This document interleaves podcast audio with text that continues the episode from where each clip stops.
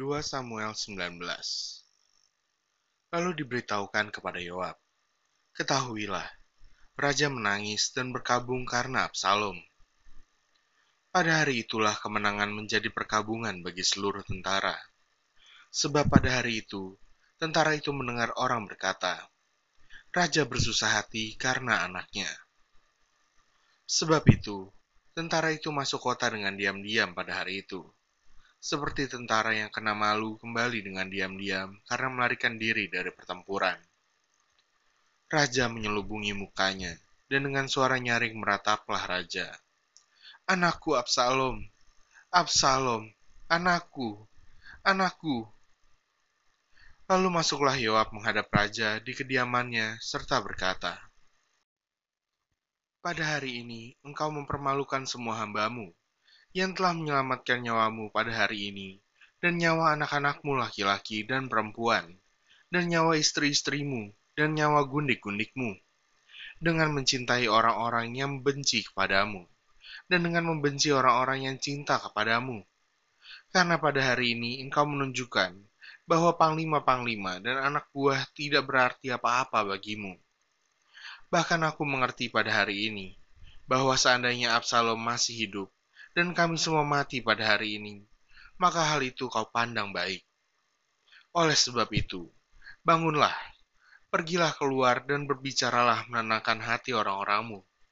Sebab aku bersumpah demi Tuhan, apabila engkau tidak keluar, maka seorang pun tidak akan ada yang tinggal bersama-sama dengan engkau pada malam ini.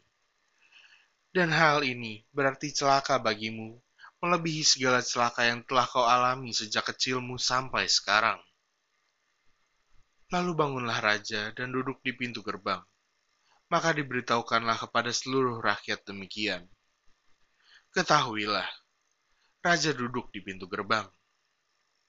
Kemudian datanglah seluruh rakyat itu menghadap raja.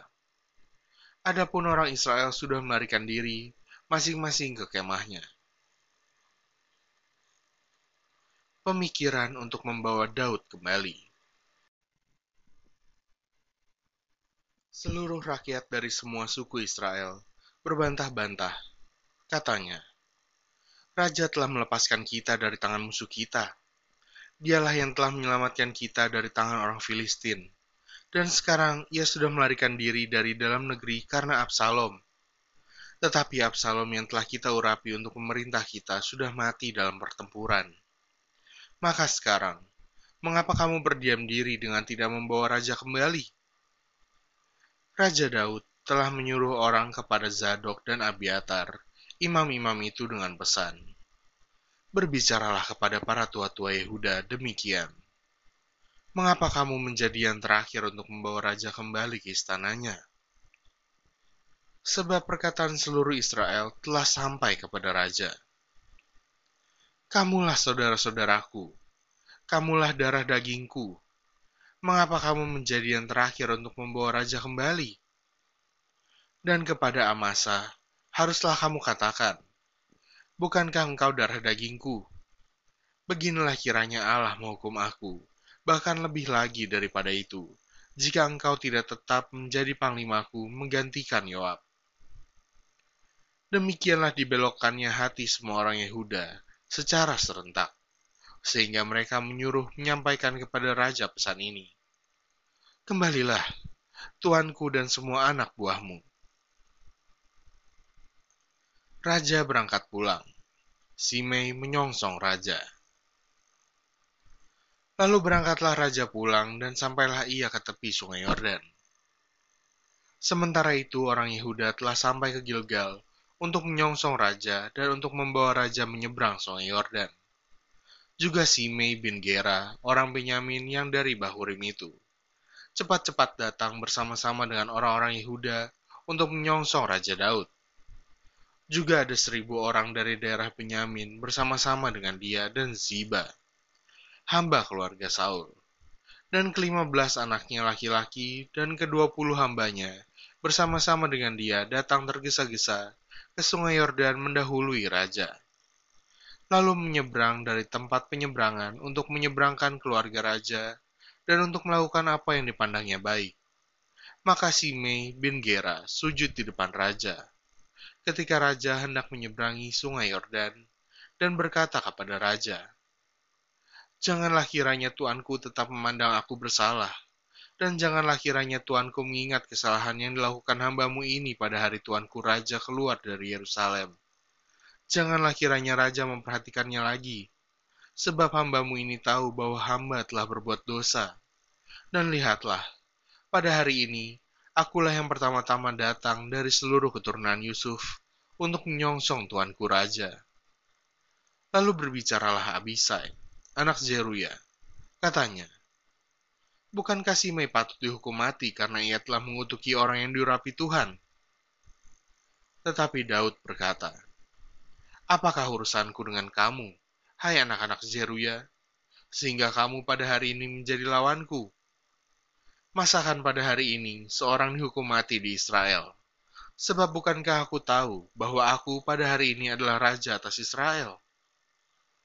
Kemudian berkatalah raja kepada Simei, Engkau tidak akan mati.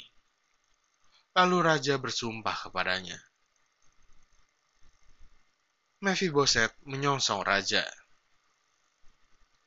Juga Mephiboset bin Saul menyongsong raja ia tidak membersihkan kakinya dan tidak memelihara janggutnya, dan pakaiannya tidak dicucinya sejak raja pergi sampai hari ia pulang dengan selamat.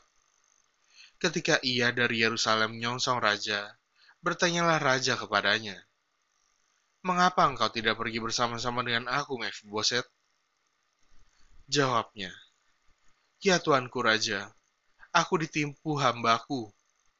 Sebab hambamu ini berkata kepadanya, Pelanailah keledai bagiku, supaya aku menungganginya dan pergi bersama-sama dengan raja. Sebab hambamu ini timpang. Ia telah memfitnahkan hambamu ini kepada tuanku raja. Tetapi tuanku raja adalah seperti malaikat Allah. Sebab itu perbuatlah apa yang tuanku pandang baik. Walaupun seluruh kaum keluargaku tidak lain dari orang-orang yang patut dihukum mati oleh tuanku raja, Tuanku telah mengangkat hambamu ini di antara orang-orang yang menerima rezeki dari istanamu. Apakah aku lagi, dan untuk apa aku mengadakan tuntutan lagi kepada raja? Tetapi raja berkata kepadanya, Apa gunanya engkau berkata-kata lagi tentang halmu? Aku telah memutuskan, engkau dan Ziba harus berbagi ladang itu. Lalu berkatalah Mephiboset kepada raja, biarlah ia mengambil semuanya, sebab tuanku raja sudah pulang dengan selamat. Barzilai ikut mengantarkan raja. Juga Barzilai, orang Gilead itu, telah datang dari Rogelim dan ikut bersama-sama raja ke sungai Yordan untuk mengantarkannya sampai di sana. Barzilai itu sudah sangat tua, 80 tahun umurnya, ia menyediakan makanan bagi raja selama ia tinggal di Mahanaim, sebab ia seorang yang sangat kaya. Berkatalah raja kepada Barzilai, Ikutlah aku, aku akan memelihara engkau di tempatku di Yerusalem. Tetapi Barzilai menjawab raja, Berapa tahun lagi aku hidup, sehingga aku harus pergi bersama-sama dengan raja ke Yerusalem? Sekarang ini aku telah berumur 80 tahun Masakan aku masih dapat membedakan antara yang baik dan yang tidak baik? Atau masih dapatkah hambamu ini merasai apa yang hamba makan, atau apa yang hamba minum? Atau masih dapatkah aku mendengarkan suara penyanyi laki-laki dan penyanyi perempuan? Apa gunanya hambamu ini lagi menjadi beban bagi tuanku raja? Sepotong jalan saja hambamu ini berjalan ke seberang sungai Yordan bersama-sama dengan raja Mengapa raja memberikan ganjaran yang sedemikian kepada aku?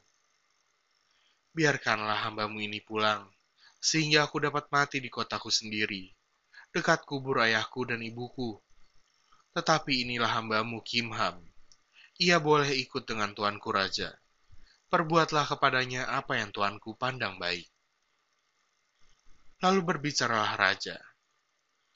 Baiklah Kimham ikut dengan aku aku akan berbuat kepadanya apa yang kau pandang baik, dan segala yang kau kehendaki daripadaku akan kulakukan untukmu.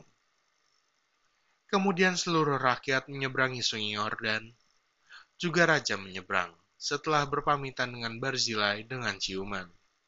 Lalu orang ini pun pulanglah ke tempat kediamannya. Orang-orang Israel dan orang-orang Yehuda mempertengkarkan raja. Sesudah itu berjalanlah raja terus ke Gilgal, dan Kimham ikut dengan dia. Seluruh rakyat Yehuda bersama-sama setengah dari rakyat Israel telah mengantarkan raja.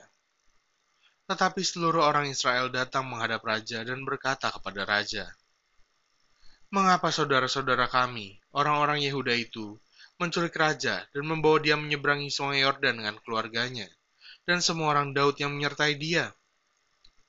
Lalu semua orang Yehuda menjawab orang-orang Israel itu, Oleh karena raja kerabat kami, Mengapa kamu menjadi marah karena hal ini? Apakah kami makan apa-apa atas biaya raja? Apakah kami mendapat keuntungan? Tetapi orang-orang Israel itu menjawab orang-orang Yehuda, kami sepuluh kali lebih berhak atas raja.